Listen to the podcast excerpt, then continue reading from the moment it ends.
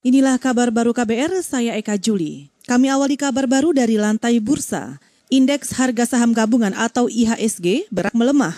Mengutip data RTI, indeks dibuka di posisi 5.190 dan langsung merosot ke zona merah ke posisi terendah 5.178, melemah 9 poin pada pukul 9.30 waktu Indonesia Barat tadi. Sebanyak 120-an saham menguat, 190-an saham melemah, dan 150-an saham stagnan. Saham-saham yang melemah, terutama sektor energi, sebagian besar saham sektor properti dan konstruksi. Sementara itu, mayoritas bursa saham utama Asia bergerak negatif, kecuali indeks Nikkei Jepang yang menguat 0,14 persen. Sementara itu, mata uang rupiah pagi ini menguat tipis 0,17 persen dan diperdagangkan di posisi Rp14.685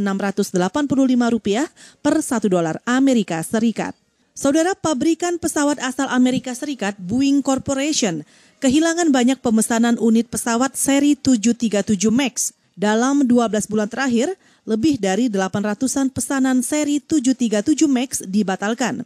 Selain karena pesawat seri tersebut saat ini sedang tidak diperbolehkan terbang oleh otoritas penerbangan Amerika, juga karena krisis akibat pandemi. Mengutip Reuters, Boeing hanya menerima sekitar empat pemesanan jet pada Juli lalu. Sebagian pemesanan mengalihkan pilihan ke pesawat jet model lain. Tahun ini pemesanan pesawat Boeing merosot menjadi hanya 74 unit pesawat. Itu pun pesanan untuk jenis lain. Angka ini jauh lebih rendah dibandingkan pada 2018 lalu sebelum 737 MAX mengalami krisis. Ketika Boeing mengirim lebih 800 unit pesawat ke pemesan, semua pesawat Boeing 737 MAX di grounded sejak kecelakaan pada Maret tahun lalu yang menimpa pesawat milik Lion Air dan Ethiopian Airlines. Kecelakaan itu menewaskan lebih dari 340 orang. Associated Press menyebut Boeing merugi 2,4 miliar dolar Amerika Serikat atau sekitar 35 triliun rupiah akibat pandemi dan krisis 737 MAX.